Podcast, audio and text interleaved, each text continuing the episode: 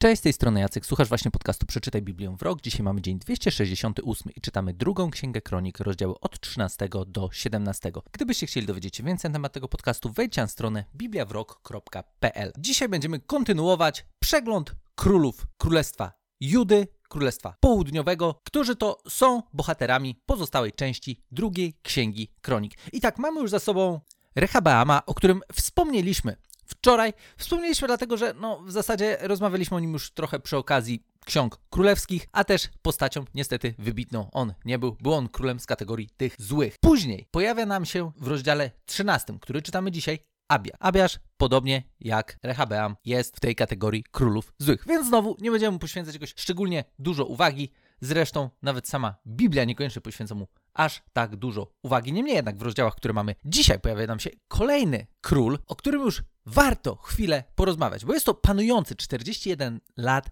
król Asa. I sam początek panowania Asy jest opisany w rozdziale 14 w sposób następujący.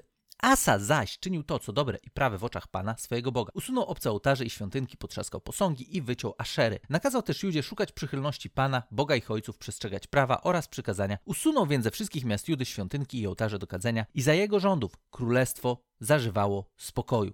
Zbudował ponadto w Judzie miasta warowne, gdyż kraj cieszył się spokojem, nikt zaś nie prowadził z nim w tych latach wojny, ponieważ Pan sprawił mu wytchnienie. Widzimy gościa, który ma bardzo dobry start. Start na tyle solidny, że nagle Juda doświadcza spokoju. Nikt za bardzo nie chce z nimi walczyć. Mają możliwość, żeby sobie jeszcze pobudować jakieś dodatkowe miasta, bo w zasadzie no nie ma żadnego dymu, jest ok, wszystko jest ok, bo na samym początku król Asa podejmuje decyzję, że będzie szukał Boga i jednocześnie nakazuje ludziom, żeby szukali przychylności Pana, Boga, ich ojców, żeby przestrzegali praw oraz przykazań. No i nie trwa to też jakoś szczególnie długo ten spokój, bo jeszcze w tym samym rozdziale czytamy, że do walki z Judą staje armia, która, no właśnie, jest trochę problematyczna, bo z jednej strony wiemy, że Asa jest dosyć przygotowany do ewentualnej obrony. Czytamy, że ma jakieś 580 tysięcy żołnierzy dostępnych, którzy są w stanie walczyć za Judę. Niemniej jednak widzimy też, że wojsko, które im się przeciwstawia, ma znacznie więcej żołnierzy i pojawia się mały problem. Czytamy o tym od wersetu 8, że przeciwko tym wojskom, tym 580 tysiącom, o których wspomniałem, ściągnął pod Maraszę Zerach, Kuszyta w sile tysiąca tysięcy i 300 rydwanów. Te tysiąc tysięcy to tak naprawdę oznacza tysiąc oddziałów. Ile taki jeden oddział miał, to w sumie do końca nie wiemy, no ale niemniej jednak musiało to być dużo. Może to był ten milion. Ja tam nie wiem, ile te oddziały wtedy miały. Niemniej jednak czytamy reakcję Asy. Asa wyszedł mu naprzeciw i stanął do bitwy w dolinie Sefata pod Mareszą. Przed bitwą Asa zwołał do Pana swojego Boga. Panie, nikt nie potrafi jak Ty wobec mocnych dopomóc tym, którym brakuje sił. Pomóż nam, Panie, nasz Boże, bo oparliśmy się na Tobie i w Twoim imieniu przyszliśmy stawić czoła temu tłumowi. Panie, Ty jesteś naszym Bogiem, niech nie powstrzyma Cię człowiek. I Pan pobił kuszytów wobec Asy i wobec Judy, tak, że rzucili się do ucieczki. Asa jednak na czele swojego wojska ścigał ich aż do Geraru, padł wówczas wielu kuszytów, nie było dla nich ratunku, ponieważ to Pan ich pobił oraz jego obóz. Wojska Asy zdobyły wówczas ogromny łup. Naprawdę start Asy mamy świetny. I zresztą on dosyć jednoznacznie jest przedstawiony jako ten dobry król, pomimo tego, że w którymś momencie pojawi się problem. I widzimy o to, że to, co zapewniło powodzenie dla Asy i królestwa, nad którym sprawował władzę, to było to, że nauczyli się polegać na Bogu. Że nawet w sytuacji tej bitwy, gdzie zdecydowanie, nawet po tym jak Asa się modli, widzimy, że coś tam było na rzeczy, że to nie było tak, że druga armia była, nie wiem, mniej liczna, czy jakkolwiek. Oni mieli poczucie, my jesteśmy słabsi, oni są mocniejsi. Wiemy, że powinniśmy przegrać. Mimo tego modlitwa, którą Asa kieruje do Boga, wyraźnie wskazuje na to, że Boże, Ty jesteś w stanie pomóc słabszym, więc pomóż nam. Nie dlatego, że jesteśmy fajni i tak dalej, tylko dlatego, że oparliśmy się na Tobie. I to, co robimy, robimy w Twoim imieniu. I Bóg tak naprawdę daje Asie możliwości do tego, żeby nauczył się na nim polegać. No bo z jednej strony chwilę wcześniej czytaliśmy o tym, że hej, kraj zaznał pokoju, było fajnie, było spokojnie i kilka wersetów dalej nagle pojawia się jakaś walka, nagle pojawiają się wrogowie. To, że pojawia się to zaraz po tym, jak czytaliśmy o tym spokoju, też może nam pokazywać, że często Bóg będzie nas stawiał w sytuacjach, w których my zwyczajnie pokażemy, że umiemy polegać na Nim. Wiecie, łatwo jest mówić, że polegam na Bogu, kiedy wszystko idzie ok, dużo trudniej jest polegać na Bogu faktycznie, kiedy pojawiają się okoliczności, które są trudne, które są niebezpieczne, które wzbudzają w nas jakiś strach. Tak było w przypadku Asy. Dosyć szybko czytamy o tym, że Bóg dał mu okazję do tego, żeby pokazał, że faktycznie polega na nim. I Asa jak najbardziej ten test przeszedł prawidłowo. Polegali na Bogu i dzięki temu udało im się zwyciężyć wroga, udało im się przegonić wroga. I dalej w rozdziale 15 czytamy, że zaraz po tej bitwie, wówczas na Azariaszu, synu Odeda, spoczął Duch Boży. Wyszedł on naprzeciw Asy i powiedział, słuchajcie mnie Aso, cała Judo i Beniaminie. Pan będzie z wami, jeśli wy będziecie z nim. Jeśli będziecie go szukać, pozwoli wam się znaleźć. Lecz jeśli go opuścicie, i on was opuści. Wiele czasu upłynęło w Izraelu bez prawdziwego Boga, bez kapłana, który by nauczał i bez prawa. Wówczas w swojej udręce Izrael zawracał do Pana, Boga Izraela i ludzie go szukali. On dawał im się znaleźć. Zaraz po tej bitwie dalej widzimy zachętę do tego, żeby Judejczycy byli blisko Boga, żeby dbali o to, żeby tego Boga szukać, żeby postępować zgodnie z tym, jak Bóg im przykazał. I to też było coś, co miało zapewnić im spokój, i powodzenie. I to, że Bóg będzie blisko nich. Jest to wyraźne wskazanie na to, że jeżeli my jesteśmy blisko Boga, no to wtedy będziemy wiedzieli, jak Bóg działa w naszym życiu. Bo jeżeli zdecydujemy się na to, żeby żyć po swojemu, no to głupio trochę oczekiwać tego, że Bóg nagle będzie działał w naszym życiu, skoro my zdecydowaliśmy się na to, żeby działać po swojemu, żeby robić to, co nam się podoba.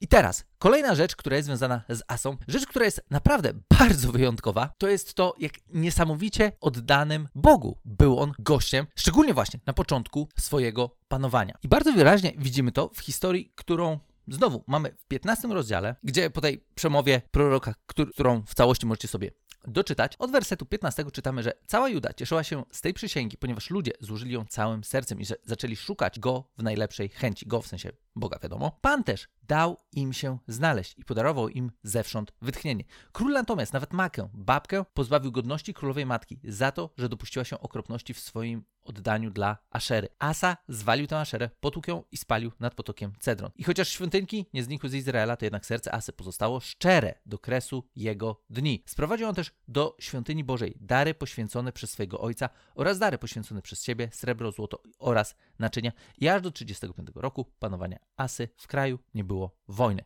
35 lat bez wojny było konsekwencją tego, że Asa podejmował bardzo dobre decyzje i jednocześnie podejmował bardzo trudne decyzje, bo no to postawił się swojej babce. No i tutaj już mamy całkiem ciekawą sytuację, no bo będąc królem, niekoniecznie na kimś musiało robić wrażenie to, że Asa jest oddany Bogu, że chce iść za Bogiem i tak dalej i mówi ludziom, że mają również dbać o to, żeby być blisko Boga. Ludzie zwyczajnie go słuchali, no bo inaczej mogli mieć kłopoty. Z drugiej strony mamy tutaj kogoś, kto go nie słuchał i to była jego własna rodzina. I w tym wszystkim Asa tak naprawdę jest gościem, który już chyba najbardziej jak może udowadnia to, że zależy mu bardziej na Bogu niż na kimkolwiek innym. To też przypomina mi słowa Jezusa z Ewangelii Mateusza z 10 rozdziału, gdzie w wersecie 37 i kawałek dalej czytamy dosyć twardy tekst z ust samego Jezusa, gdzie mówi on, kto kocha ojca lub matkę bardziej niż mnie, nie jest mnie godzien. I kto kocha syna lub córkę bardziej niż mnie, nie jest mnie godzien. Kto nie bierze swego krzyża, a idzie za mną, nie jest mnie godzien. Kto chce znaleźć swe życie, straci je, a kto straci swe życie z mego powodu, znajdzie je. Jezus nie zachęca nas jakkolwiek do tego, żebyśmy nie lubili swoich rodziców. Wręcz przeciwnie. To, że rodzicom należy się szacunek, nie zmienia się w żadnym miejscu Biblii. Niemniej jednak jest jedna rzecz, którą Jezus pokazuje. Na liście priorytetów powinienem być wyżej niż ktokolwiek inny, włącznie z Twoją naj, najbardziej bezpośrednią, najbliższą rodziną. I dokładnie uosobieniem tego fragmentu w tej historii jest Asa, bo swoją babkę, która właśnie ma godność królowej matki, ona jest osobą wpływową. Gdybyśmy sięgnęli sobie tak na szybko do historii jeszcze Salomona, to jego matka widzimy też, jak bardzo ogromne znaczenie miała w królestwie, bo kiedy na początku rządów samego Salomona, czy w momencie kiedy, no tak, kiedy on faktycznie doszedł do władzy, to w drugim rozdziale pierwszej księgi królewskiej czytamy o tym, jak przyszła jego matka i miała sprawę odnośnie jednego z jego braci. I było to przedstawione w ten sposób, że w wersecie 19 drugiego rozdziału pierwszej księgi królewskiej czytamy, że Batrzeba przyszła więc do króla Salomona, aby przekonać go do prośby Adoniasza. Król wstał na jej powitanie, pokłonił się jej, a gdy zasiadł na swym tronie, obok tronu, po prawej stronie, ustawiono krzesło dla jego matki. W ogóle widzimy tutaj, że to nie była taka osoba, wiecie, która gdzieś tam totalnie z boku się kręciła. Ona była blisko króla, ona miała wpływ też na króla. Akurat w tym przypadku on tutaj nie wyszło, ale ona była kimś, kto mógł przyjść do króla, kto mógł wstawiać się za innymi, kto miał bardzo konkretną, może nie tyle funkcję, co jednak bardzo realny wpływ na to, co dzieje się w państwie. I właśnie z taką osobą, takiej osobie stawia się Asa. I mówi, nie, nie, nie, to nie będzie działało w ten sposób, że możesz sobie czcić jakieś tam jakieś bóstwa różne i ja będę udawał, że to się nie dzieje, kiedy od wszystkich innych wymagam tego, żeby tego nie robić i pozbawia jej godności królowej matki. Stawia się najbliższej, bezpośredniej rodzinie. I jest to bardzo ciekawe, że zaraz, kawałek dalej, widzimy coś, co jest w pewnym zakresie zaprzeczeniem tego wszystkiego, co czytaliśmy do tej pory na temat Asy. Bo w rozdziale 16 już czytamy, że w 36 roku panowania Asy wyruszył przeciw Judzie Basza, król Izraela, i zaczął budować fortyfikacje naprzeciw Ramie, aby odciąć mieszkańców miasta od Asy, króla Judy. 35 lat spokoju. W 36 roku nagle pojawia się niebezpieczeństwo ze strony Królestwa Północnego, ze strony Izraela i Judejczycy mają znowu wybór. Mogą polegać na Bogu, tak jak to miało miejsce na samym początku rządów Asy. Ale wiecie, minęło 35 lat, było spokojnie, był luz, tak jak w naszym życiu. Jest spokój, jest luz. Niby polegamy na Bogu, no ale to wiecie, czasami takie poleganie, jeżeli jest wszystko spoko, może zwyczajnie polegać na tym, że no, okej, okay, mówimy, że polegamy, ale w zasadzie nawet nie mamy na czym polegać, no bo nic jakiegoś szczególnego nie dzieje się w naszym życiu. I być może bardzo podobnie było w przypadku Asy, że z powodu tego spokoju, który towarzyszył jego panowaniu, on w zasadzie niczym nie musiał się za bardzo przejmować. Zrobiłem wszystko, starałem się znowu żyć życiem wiary, bo tu nie mówię o tym, że on zostawił Boga w jakikolwiek sposób, ale wiecie, wszystko było normalne. Po prostu robimy, co Bóg chce, żebyśmy robili i wszystko jest ok. I teraz znowu po 35 latach ma okazję do tego, żeby udowodnić, czy on faktycznie polega na Bogu, czy po prostu jest gościem, który doszedł do miejsca, w którym jest na tyle spokojnie, że kumba ja, nie muszę się niczym przejmować, wszystko jest ok. No i tutaj pojawia się znowu militarne zagrożenie. I czytamy jedną z najbardziej zaskakujących rzeczy, którą w księgach królewskich możemy znaleźć. Bo to, że mamy królów, którzy zwyczajnie są źli jednoznacznie od początku do końca, to jest jedno. A to, że mamy gościa, który ma fantastyczny start i po 35 latach znowu ma szansę po raz kolejny tak samo udowodnić, że polega na Bogu, co czytamy? Wtedy Asa wyniósł srebro i złoto ze skarbców świątyni Pana i Pałacu Królewskiego i wysłał je do Ben-Hadada, króla Aramu, mieszkającego w Damaszku, z takim poselstwem. Niech będzie przymierze między mną a Tobą, tak jak między moim ojcem a Twoim. Oto przysyłam Ci srebro i złoto. Zerwij swoje przymierze z Baszą, królem Izraela, aby odstąpił ode mnie. No i generalnie kończy się to tak, że ten król Aramu rzeczywiście wysyła swoje wojska. Basza, król Izraela, dowiaduje się o tym, rezygnuje ze swojego projektu. I w wersecie siódmym czytamy, że w tym czasie przybył do Asy króla Judy, jasnowic Hanani, ponieważ oparłeś się na królu Aramu. Powiedział, zamiast oprzeć się na Panu, swoim Bogu. Dlatego wojsko króla Aramu wymknieć się spod kontroli. Historia Asy, który znowu, żeby było jasne, on jest bardzo pozytywną postacią. Jest gościem, który był wierny Bogu,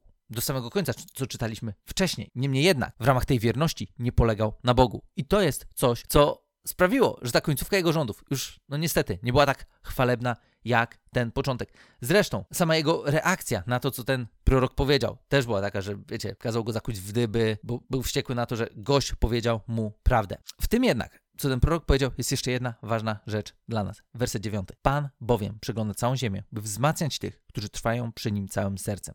Postąpiłeś niemądrze w tej sprawie i od teraz będziesz miał ciągłe wojny. Pan przegląda całą ziemię, by wzmacniać tych, którzy trwają przy nim całym sercem. Wyobraźcie sobie to, że Bóg, On aktywnie szuka ludzi, którzy Jemu pomagają po to, żeby ich wzmacniać, po to, żeby im pomagać. To nie jest nawet to, że, wiecie, my robimy swoje w ramach swojej drogi z Bogiem. Staramy się przy nim trwać i Bóg tak, a dobra, no to spoko. Nie, tu wręcz widzimy to, znowu jakby kumam, że Bóg jest wszędzie, wszystko widzi, wszystko wie i tak dalej. Jakby kumam to. Ale tutaj jednak to, jak ten prorok to opisuje, pokazuje nam takie aktywne działanie ze strony Boga, który po prostu szuka, szuka takich ludzi, takich jakim był Asa, żeby ich wzmacniać, żeby im pomagać. Ale kiedy Bóg nas może wzmocnić? No wtedy, kiedy jesteśmy w sytuacji, gdzie wydaje nam się, że nie mamy siły. Wtedy właśnie, kiedy są okoliczności takie jak po 35 latach rządów Asy. Wtedy to jest najlepsza okazja do tego, żeby Bóg nas wzmocnił, bo wtedy zwyczajnie potrzebujemy Jego siły. Kiedy wszystko jest dobrze, no to fajnie, wszystko jest dobrze. Tak naprawdę trudności dopiero pokażą nam to, czy faktycznie polegamy na Bogu. No i widzimy tutaj bardzo ważną lekcję.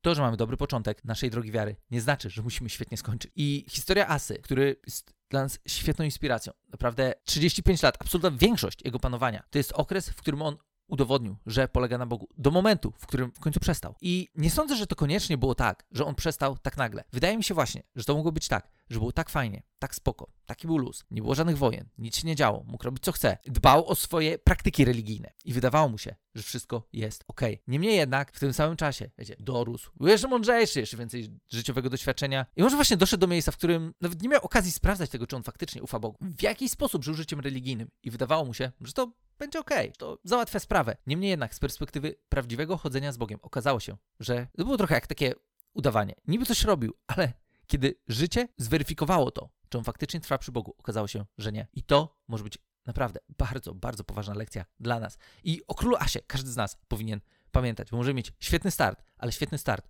nie gwarantuje świetnego zakończenia. I Znowu, Asa jest tym, który zdecydowanie jest oceniany pozytywnie. Jest on dobrym, był on dobrym królem. Był on królem, z którego przykładu możemy czerpać inspirację, ale widzimy też, że był królem, który nie do końca pozostał wierny Bogu, nie do końca polegał na Bogu, bo zaczął polegać też właśnie na innych. I przez to po 35 latach spokojnego panowania, nagle ostatnia część jego panowania to już był czas wojen. No i czytamy jeszcze o jego chorobie, która go sponiewierała, w ramach której zresztą on dalej nie szukał Boga, o czym czytamy od wersetu 12, że w 39 roku swojego panowania Asa zachorował na nogi i jego choroba bardzo się wzmogła, ale nawet w tej chorobie nie zwracał się po pomoc do Pana, tylko do lekarzy. Czy to znaczy, że mamy nie korzystać z pomocy lekarzy? Absolutnie nie. To znaczy, że w pierwszej kolejności powinniśmy z naszymi problemami przychodzić do Boga. Asa w ogóle nie przyszedł ze swoim problemem do Boga. I to, jak to jest opisane, wydaje mi się, że znowu wskazuje na to, że być może to była jedna z ostatnich szans na to, żeby on udowodnił, że wciąż jest w stanie polegać na Bogu. Pomimo tego, że zwalił tą sytuację na początku tego rozdziału z tym, jak się zachował w przypadku zagrożenia ze strony Królestwa Północnego, to tutaj mógł pokazać, ok, dobra, jest coś, z czym nie wiem co zrobić, będę polegał na Bogu, ale nie, on polegał na ludzkiej sile, na ludzkich możliwościach. Nie zwrócił się z tym do Boga. No i skończył, jak skończył. Niestety, a dla nas bardzo ważna lekcja. Gdybyście mieli jakieś dodatkowe pytania, chcieli pogadać sobie o tym, o czym czytamy, w ogóle odezwać się do mnie, możecie wejść na stronę bibliawrok.pl lub napisać do mnie na adres jacekmałpa.bibliawrok.pl i do usłyszenia w kolejnym odcinku.